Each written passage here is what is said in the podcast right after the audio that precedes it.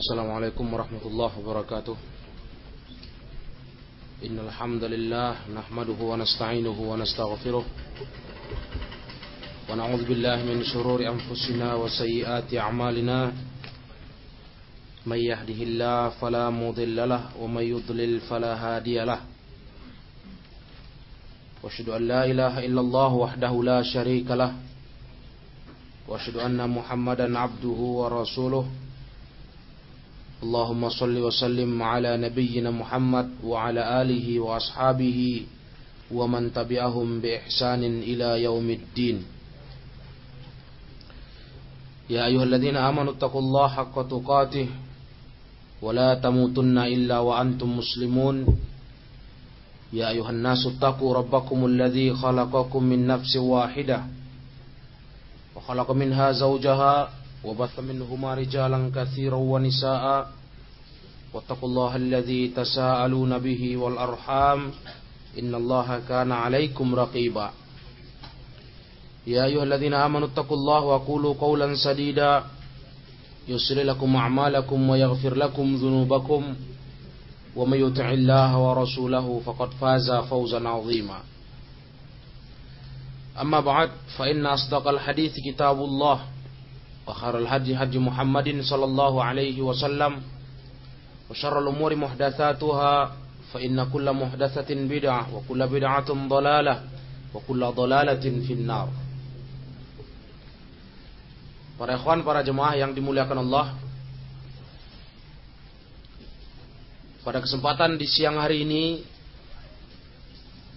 InsyaAllah kita akan terus melanjutkan penggalian terhadap ilmu Ilmu din Kembali kita akan membaca Nasihat-nasihat para ulama-ulama terdahulu Ulama salaf untuk diamalkan seluruh kaum muslimin dan menjadi pegangan hidup mereka. Karena ini adalah wasiat wasiat ulama salaf. Inilah warisan para jemaah. Warisan Islam berbentuk ilmu maka hendaklah kita bersama mengambil warisan Islam dan bersegera mengamalkannya bertekad menjalankannya Hari ini para jemaah yang dimuliakan Allah, siang hari ini kita ingin melanjutkan di penjelasan yang lain dari Imam Ahmad.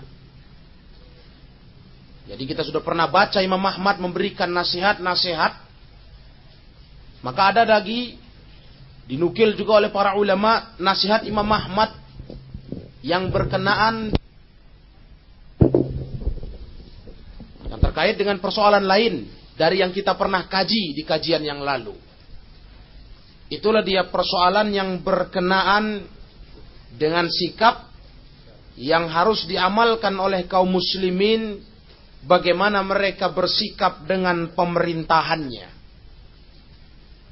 Jadi Imam Ahmad bin Hambal sebagai seorang ulama terkenal, ulama Islam ada memberikan wejangan bimbingan kepada muslimin. Bagaimana sikap kita dalam hidup sebagai masyarakat terhadap pemerintahan kita, pemerintahan muslim.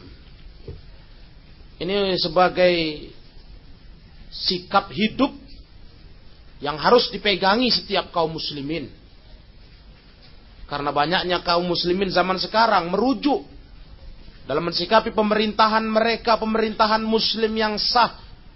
Banyaknya kaum muslimin sekarang merujuk terhadap pendapat-pendapat batil. Pendapat orang-orang yang tidak tahu ilmu.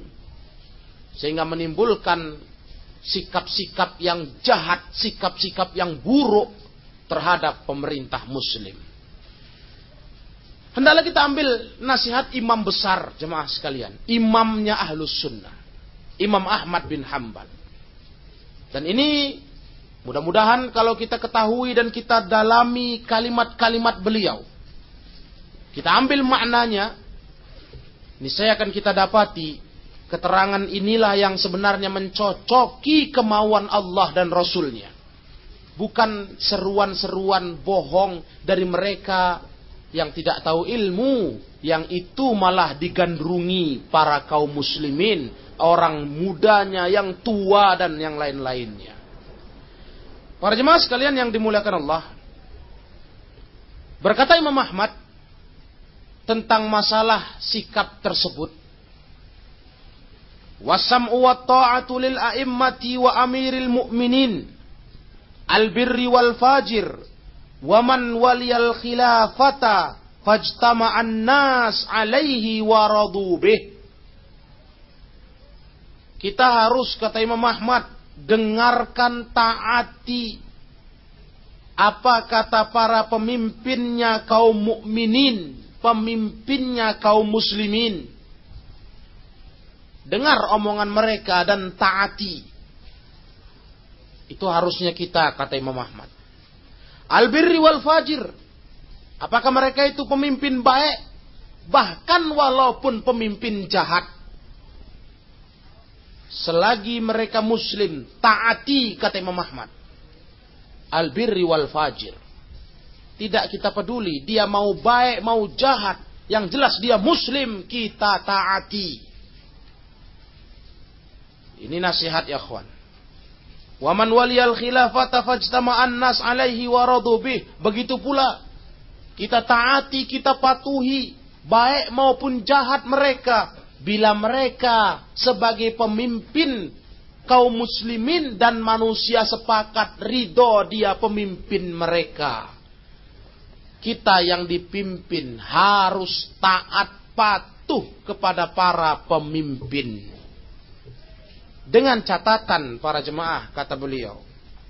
Jangan mentaati yang diperintah mereka dalam hal batil. Selain itu, selain hal-hal yang tidak batil yang mereka perintah, yakni hal kebaikan, taati. Karena ini tugasnya masyarakat terhadap pemerintahnya. Ini nasihat Imam Ahmad. Maka para jemaah yang dimuliakan Allah, Nasihat ini sangat berkenaan dengan hadis-hadis Rasulullah. Dan Imam Ahmad telah mengetahui hadis-hadis Rasul yang menyuruh mematuhi pemerintahan muslim. Maka Imam Ahmad rahimahullah telah menyimpulkan hukum yang kita baca ini. Dan ini harus diamalkan bagi individu kaum muslimin untuk keamanan hidup mereka. Bahkan kata Imam Ahmad, Waman ghalabahum bisayfi hatta sara khalifatan wa summiya amirul mu'minin. Bahkan termasuk pemimpin yang harus kita taati. Bila mana kita punya pemimpin yang sah. Pemimpin sah ini digulingkan oleh pemimpin yang lain. Diturunkan secara paksa. Bisa dengan senjata atau cara apa pun juga. Pemimpin yang baru walau dia naik dengan cara kekerasan, dia pun setelah sah jadi pemimpin wajib ditaati. Jangan disusul berikutnya lagi dengan pemberontakan yang baru. Lain cerita jemaah sekalian, kata Imam Ahmad. Kalau pemberontak itu, kalau orang yang ingin menggulingkan pemerintahan yang sah itu belum naik jadi pemerintah, masih dalam rangka pemberontakan. Sikap kita, kata Imam Ahmad, sebagai seorang yang tahu ilmu adalah kita dukung pemerintahan yang sah dan kita bantu untuk menghancurkan pemberontak-pemberontak itu. Tapi di saat mereka menang dalam pemberontakannya dan mereka duduk sebagai pemerintahan yang sah, kembali ke kaedah semula taati pemerintah muslim. Jemaah rahimakumullah. Ini kaidah memang sangat bertolak belakang. Perintah mentaati, perintah mendengarkan cakap pemerintah. Keharusan dari Allah dan Rasulnya tunduk kepada Amirul Mukminin, kepada orang yang memimpin kaum muslimin yang dia seorang muslim, apakah dia baik ataupun dia jahat. Ini banyak bertentangan dengan kemauan manusia.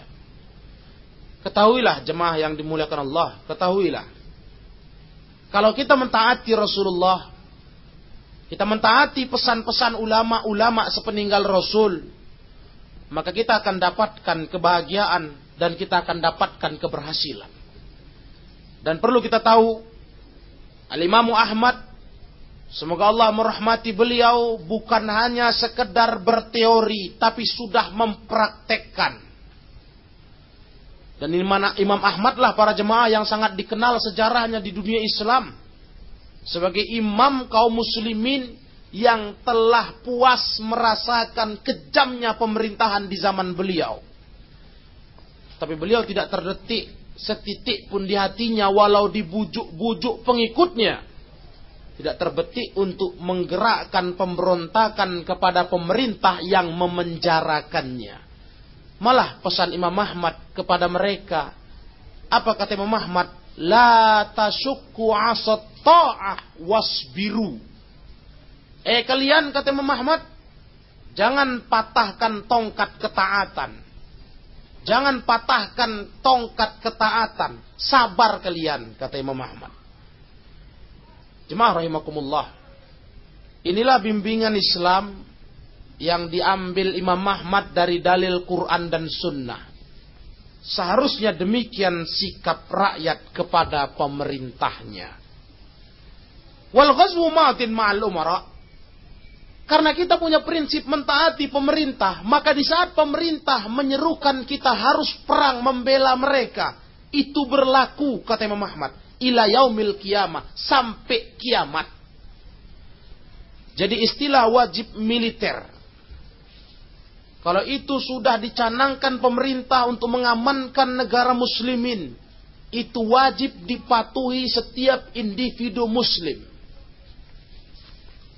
Karena memang wajib mentaati mendengarkan cakap pemerintah muslim itu perintah agama. Dan jemaah yang dimuliakan Allah tanpa kita pilah kata Imam Ahmad albir wal fajir tidak kita pilih, kita pilah mana baik pemerintahnya, mana buruk. Semua kita taati. Selagi perintah mereka bukan dosa.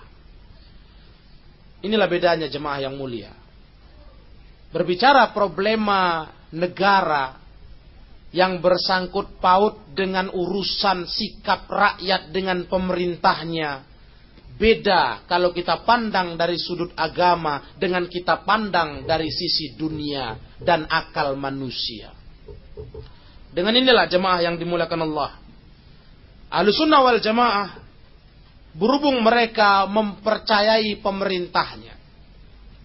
Berhubung mereka punya keyakinan kalau pemerintah itu sah dan sebagai muslim, maka kaum muslimin disuruh oleh agama mentaati mereka. Maka kata Imam Ahmad berikutnya sikap kita ke pemerintah itu wa qismatul fai wa iqamatul hudud ilal a'immati madin laisa li ahadin ayat'ana alaihim wala yunazi'uhum segala perkara pembagian rampasan perang segala urusan menegakkan hukum-hukum Islam serahkan ke pemerintah muslim kalian. Jangan seorang pun kata Imam Ahmad mencela hasil pembagian keputusan mereka. Tidak hak satupun dari masyarakat untuk mendebat, memprotes mereka. Ini yang menjadi indahnya jalan Islam. Yang menjadi indahnya kehidupan masyarakat Islam dengan pemerintahnya. Para jemaah yang dimuliakan Allah, "Waman kharaja ala imamil muslimin Waqad kana an-nasu ijtama'u alaihi wa aqarru lahu bil khilafah bi ayyi wajhin kana bir ridha aw bil ghalabah faqad syaqqa hadzal kharij asal muslimin kalau udah jelas kaidah ini kata Imam Ahmad dan kaidah ini sangat penting bagi masa-masa sekarang, masa bergolak, bergejolaknya hati muslimin, hati umat Islam. Kalau terjadi kata Imam Ahmad, ada juga yang memberontak kepada imam kaum muslimin, pemimpin muslim. Padahal pemimpin muslim itu diangkat atas kesepakatan masyarakat kesepakatan manusia. Mereka ridho. Dan mereka yakin dia berhak jadi khalifah. Kalau ada orang lakukan pemberontakan, apakah dia dengan pemberontakan halus atau cara kasar? Apa pun bentuknya asal pemberontakan, dia itu kata Imam Ahmad telah mematahkan tongkat persatuan kaum muslimin. Orang ini telah menyelisih riwayat Rasulullah. Kalau sampai dia mati berstatus pemberontak kepada pemerintah muslim, mata maitatan jahiliyah. Dia mati, mati seperti orang jahiliyah. Kalimat terakhir ini jemaah sekalian itu diriwayatkan dalam hadis sahih dari Rasulullah sallallahu alaihi. Siapa memberontak kepada pemerintahannya kata Rasul, maka dia mati-mati jahiliyah. Sehingga jemaah yang dimuliakan Allah. Berdasarkan keterangan Imam Ahmad ini, apa pun bentuknya, sekecil apa pun bentuknya, daripada unsur pemberontakan, unsur pemberontakan kepada pemerintahan muslim yang sah, itu haram Walaupun dengan cara-cara yang paling halus sekalipun. Apalagi cara yang kasar. Sehingga dengan kata lain, tidak diizinkan dalam Islam. Dan kita boleh buktikan dan kita boleh pertanyakan orang yang bilang pemberontakan itu cara Islam. Kita boleh tanyakan ke mereka, di mana ada Islam ajarkan itu?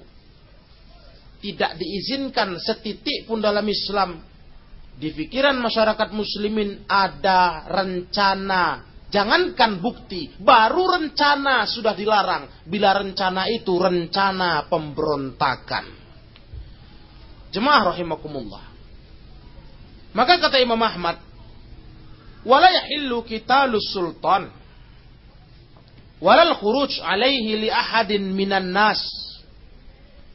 Faman fa'ala dhalika fahuwa mubtadi' ala ghairi sunnati wat tariq. Kalau begitu, tidak halal memerangi pemerintahan yang sah. Tidak halal berontak kepada mereka bagi siapa pun dari kaum muslimin yang mereka itu rakyatnya. Kalau masih ada juga melanggar ini, ketahuilah dia itu mubtadi. Dia itulah pelaku bid'ah, kata Imam Ahmad. Yang telah menempuh hidup tidak dengan cara sunnah Nabi tidak di atas siratal mustaqim. Jadi keliru para jemaah yang saya muliakan. Keliru. Kalau ada anggapan di pikiran-pikiran kaum muslimin, sebagian kaum muslimin. Bila orang belajar Islam dengan serius, maka orang itu akan terbentuk menjadi sosok yang brutal, ganas, dan akan dibentuk menjadi pemberontak kepada negara. Itu anggapan yang paling keliru. Kebalikannya, kalau orang belajar agama dengan cara sunnah Nabi, cara yang benar. Dengan cara Quran, dengan cara sunnah dia belajar agama. Yang muncul malah kebalikannya. Yang muncul adalah pribadi muslim. Yang dalam keadaan tunduk patuh kepada pemerintahannya. Walaupun jahat selagi pemerintahannya itu pemerintahan muslim. Para jemaah yang dimuliakan Allah. Lain cerita, lain babnya kalau pemerintahan kafir. Termasuk Imam Ahmad juga di antara imam-imam ahlus sunnah yang mengajarkan kepada kita. Kalau imamnya imam kafir, bukanlah seorang muslim, maka kewajiban bagi seluruh kaum muslimin untuk merencanakan pemberontakan kepada pemerintahan yang kafir tadi. Gulingkan dia, naikkan yang muslim. Karena tidak akan pernah pemerintahan-pemerintahan kafir itu dibiarkan berkuasa atas rakyat muslimin kalau ini sudah difatwakan oleh para ulama-ulama besar sebagaimana Imam Ahmad dan ulama-ulama lainnya. Jadi para ikhwan, para jemaah yang dimuliakan Allah, berpangku tangan dari persoalan yang menimpa sebuah negara. Melihat timbul beragam macam persoalan, beragam macam beban jiwa dari tingkah manusia yang ada di negara itu. Berlepas diri dari itu, itu bukan sikapnya ahlus sunnah. Ahlus sunnah tidak pernah berlepas diri para jemaah. Tapi bukan pula dengan dalil tidak mau berlepas diri, lantas membentuk gerakan baru yang bernuansa jahat pemberontakan. Maka cara ahlus sunnah dalam mereka menghadapi pemerintah-pemerintah yang zolim, pemerintah-pemerintah yang fajir berdosa. Yang mereka itu sebagai muslim tapi muslim yang berdosa, yang zolim. Yang tidak memenuhi hak-hak rakyatnya, yang berbuat jahat terhadap masyarakatnya. Kaum muslimin cara menghadapi pemerintah yang seperti itu menjalankan sabda Rasulullah Sallallahu Alaihi Wasallam untuk selalu sabar. Sabar kata Rasul, hatta talqau rabbakum. Sabar kalian kata Rasul. Sabar kalian itu batasnya sampai kalian ketemu Allah, sampai mati. Itulah sabar kalian kata Rasulullah.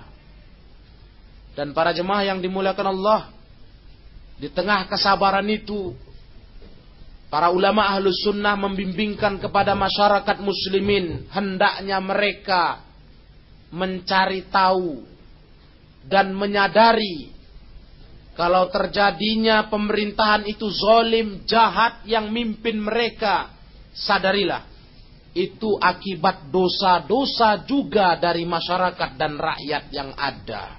Itu harus disadari para jemaah. Maka memperbaiki itu, kata Imam Ahmad, memperbaiki semua itu. Tidak lain dan tidak bukan. Dengan cara memperbaiki rakyatnya. Mengembalikan mereka kepada Islam.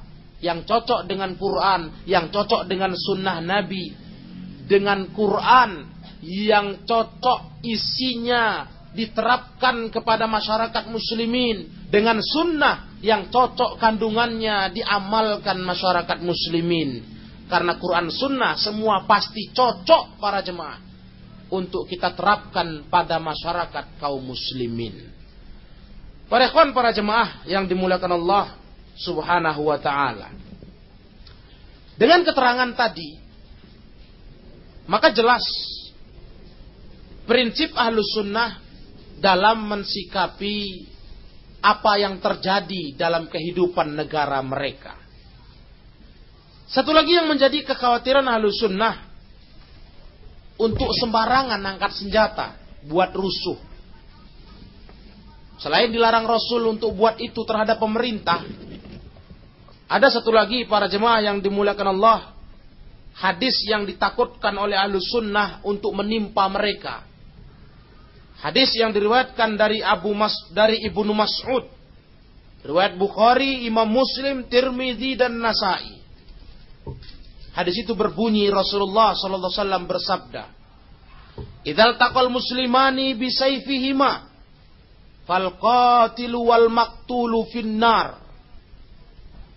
Kalau ada dua orang muslim saling ketemu, dua-dua mengacungkan senjatanya, ketahuilah yang membunuh maupun yang dibunuh dua-dua di neraka. Hati-hati jemaah yang mulia. Kalau urusan dengan sesama muslim ini hati-hati. Apalagi urusannya darah dan nyawa. Ketahuilah, ketahuilah. Kalau dua muslim saling ketemu dengan mengusung senjata, menghunus senjata, terjadi pada keduanya itu sebuah perkelahian upaya saling membunuh. Walaupun dia yang terbunuh dia tetap masuk neraka kata Rasul walaupun dia yang terbunuh sama seperti yang membunuh jadi masalah dengan pemerintah muslimin itu masalah besar jemaah sekalian makanya Ahlussunnah wal Jamaah sangat punya kaedah-kaedah penting di antara cara Ahlussunnah untuk menghindari turut serta di kancah fitnah yang berkaitan dengan pemerintahan.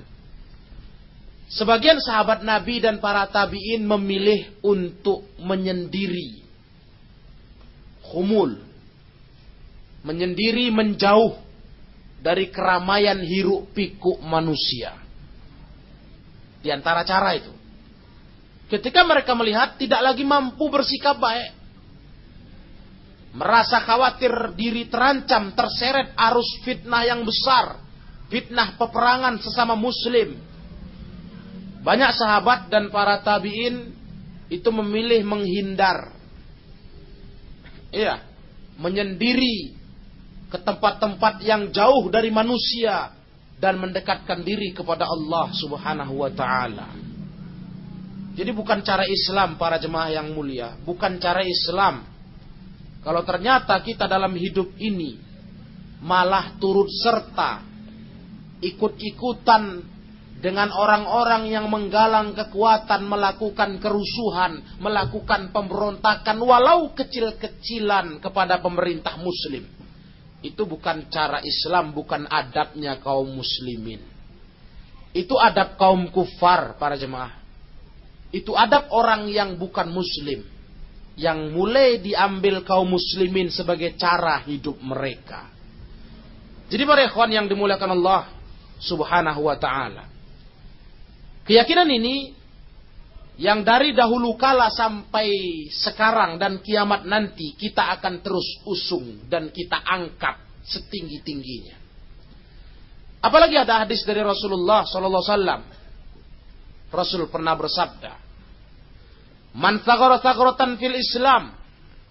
Barang siapa yang membuat gejolak keributan dalam Islam. Pemberontakan. Dia buat kerusuhan. Yang telah memancing masyarakat untuk heboh, untuk saling baku hantam.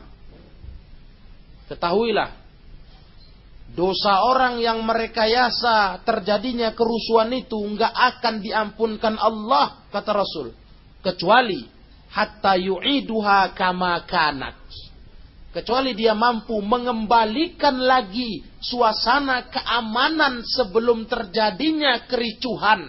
Kalau dia mampu kembalikan seperti semula, dia diampunkan Allah Ta'ala. Kalau tidak kata Rasul, maka tidak ada ampun dan maaf baginya. Dia harus tanggung dosa telah memicu kerusuhan, memicu pergolakan yang menumpahkan darah di tengah muslimin.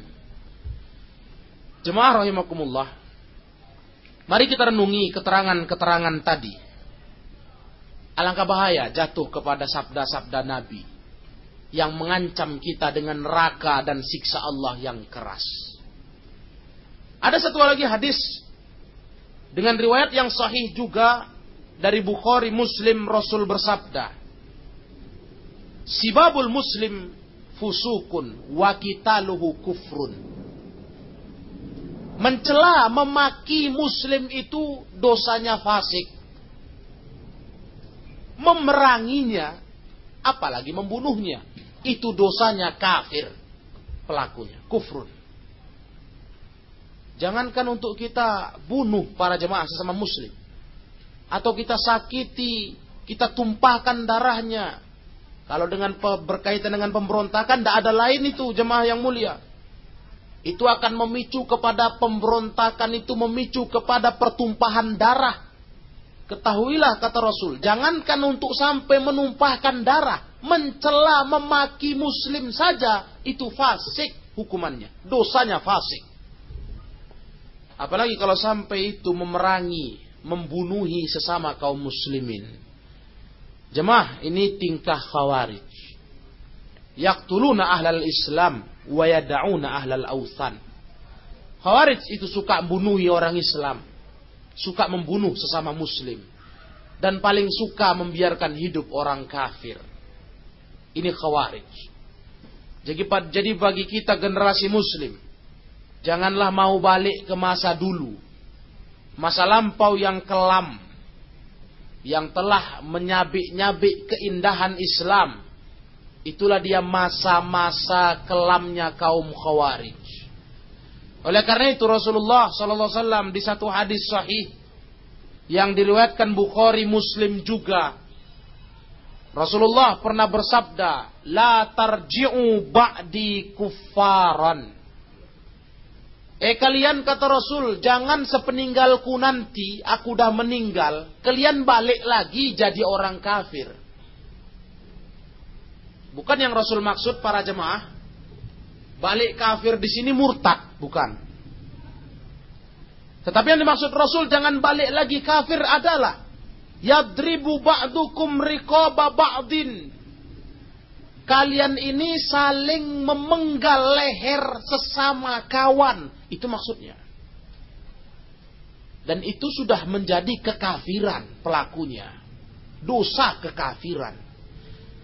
Jadi Rasul maksudkan sepeninggal aku jangan balik kafir, bukan balik agama.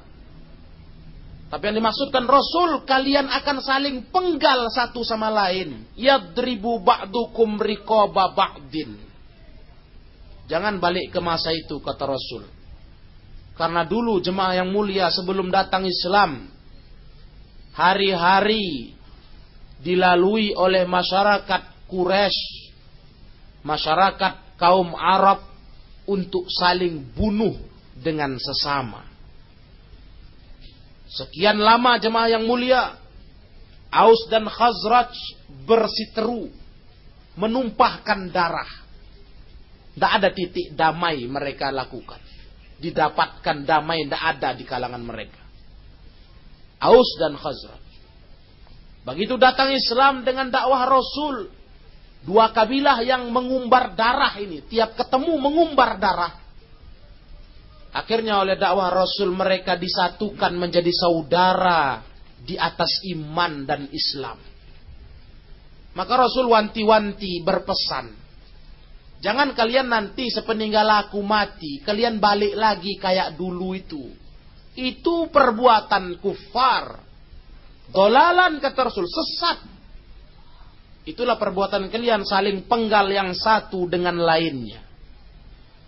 Maka para jemaah yang dimuliakan Allah, seharusnya kita sebagai muslim yang cinta kepada Islam, ini pesan-pesan Rasul yang tadi saya baca lewat hadis Bukhari Muslim, Bukhari Muslim ini. Tidaklah kita patuhi jemaah yang mulia. Walaupun kita tidak langsung bergerak untuk membunuhi sesama muslim dengan bentuk pemberontakan tadi. Membunuhi sesama muslim. Membunuhi aparatur negara dan semisalnya. Itu membunuh sesama muslim. Tidak pun sampai ke sana kita sudah mulai menghindari dan mengharamkan ke diri kita hal-hal yang walaupun itu kecil tapi akan memicu ke sana.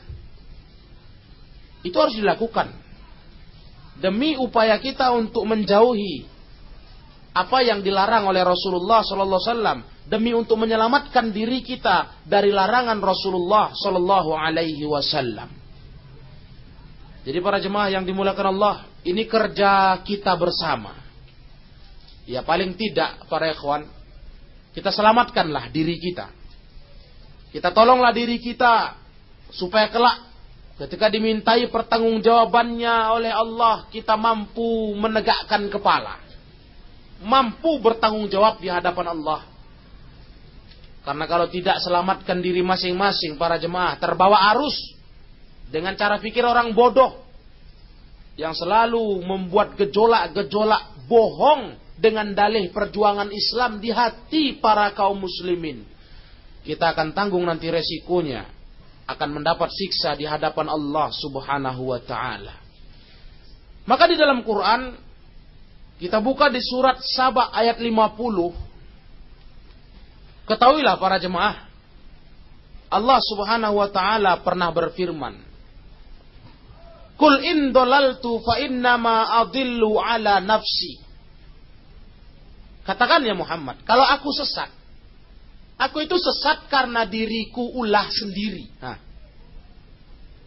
Jadi kalau kita masih terjerumus jemaah yang mulia, terjerumus dalam dosa, terjerumus dalam cara pikir yang tidak Islam, kepada sikap-sikap yang tidak dihiasi dengan sikap Islam, yang tidak patuh kepada sunnah, kepada dalil-dalil dari Rasulullah, dan kita terus tersesat, sadarilah Innama adillu ala nafsi. memang kita salah sendiri. Kita yang menyesatkan diri kita sendiri. Itu kata Allah di surat Sabah tadi. Jangan tuding siapa-siapa. Salahkan diri sendiri. Kenapa tidak mematuhi perintah Allah dan Rasulnya untuk taat?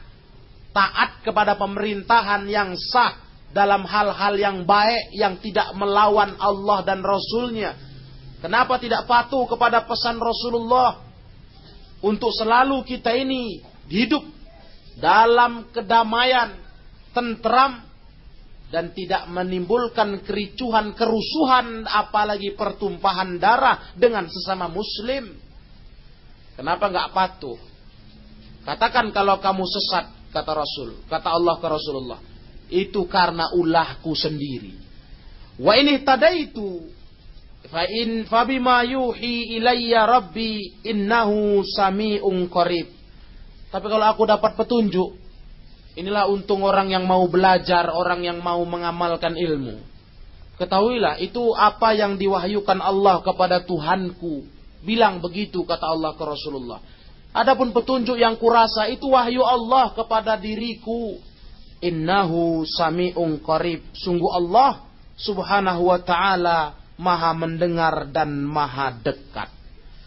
Jemaah yang dimuliakan Allah. Maka segala hal yang kita rasakan nikmat Islam di hati ini. Mari kita bersama sandarkan itu kepada Allah. Jangan kita bangga diri karena saya belajar, karena saya ini, karena saya itu. Saya bisa tidak ikut-ikutan pemberontakan. Saya bisa nggak terseret kepada pertumpahan darah. Jangan. Bilang itu dari Allah dan karunia-Nya. Tapi di saat kalau kita terseret kepada dosa, terbawa kepada suasana pertumpahan darah dengan sesama muslim, saling bunuh, saling perang dengan sesama muslim. Ketahuilah kita sesat karena ulah sendiri. Jadi para ikhwan, para jemaah yang dimuliakan Allah, inilah pesan-pesan hikmah dari Rasulullah sallallahu alaihi wasallam dan dari Allah Subhanahu wa taala untuk kita sadari kalau segala sesuatu yang terjadi di muka bumi ini dari beragam macam problema, beragam macam dosa dan siksa Allah itu karena ulah kita. Baik itu pemerintahan yang zolim, baik itu pemerintahan yang jahat, itu pun karena dosa kita. Allah sendiri sudah bilang para jemaah di surat Al-Qasas ayat 44 sampai 47. Allah sendiri dalam Quran sudah bilang kepada kita. Apa kata Allah? Walaula antusibahum musibatum bima qaddamat aidihim. Coba. Kalaulah mereka sadari musibah yang menimpa mereka itu tidak lain kata Allah, itu akibat ulah tangan mereka, bukan ulah siapa pun juga. Itu ulah mereka kata Allah. Jadi ini dosa kita bersama para jemaah. Kalau ternyata kita melihat diri kita atau melihat orang-orang di dekat kita atau melihat bahkan kepada pemerintahan kita dalam keadaan bergelimang kezoliman dan dosa tidak adil dan jauh dari agama. Itu akibat ulah kita bersama. Kenapa tidak mentaati Allah sehingga Allah tidak berikan kepada kita pemimpin yang baik sehingga Allah tidak berikan kepada kita jiwa yang bersih dan tunduk kepada Quran. Tidak lain itu semua ulah kita. Maka kata Allah Subhanahu wa taala, orang-orang zaman dulu setiap kali melanggar perintah Allah dan ditimpakan azab. Dilarang mereka untuk memaksiati nabi yang diutus ke mereka, malah mereka bunuh. Dilarang mereka berontak kepada pemerintahan yang sah. Malah mereka bunuh pemerintahan yang sah. Setiap kali mereka seperti itu para, para ikhwan.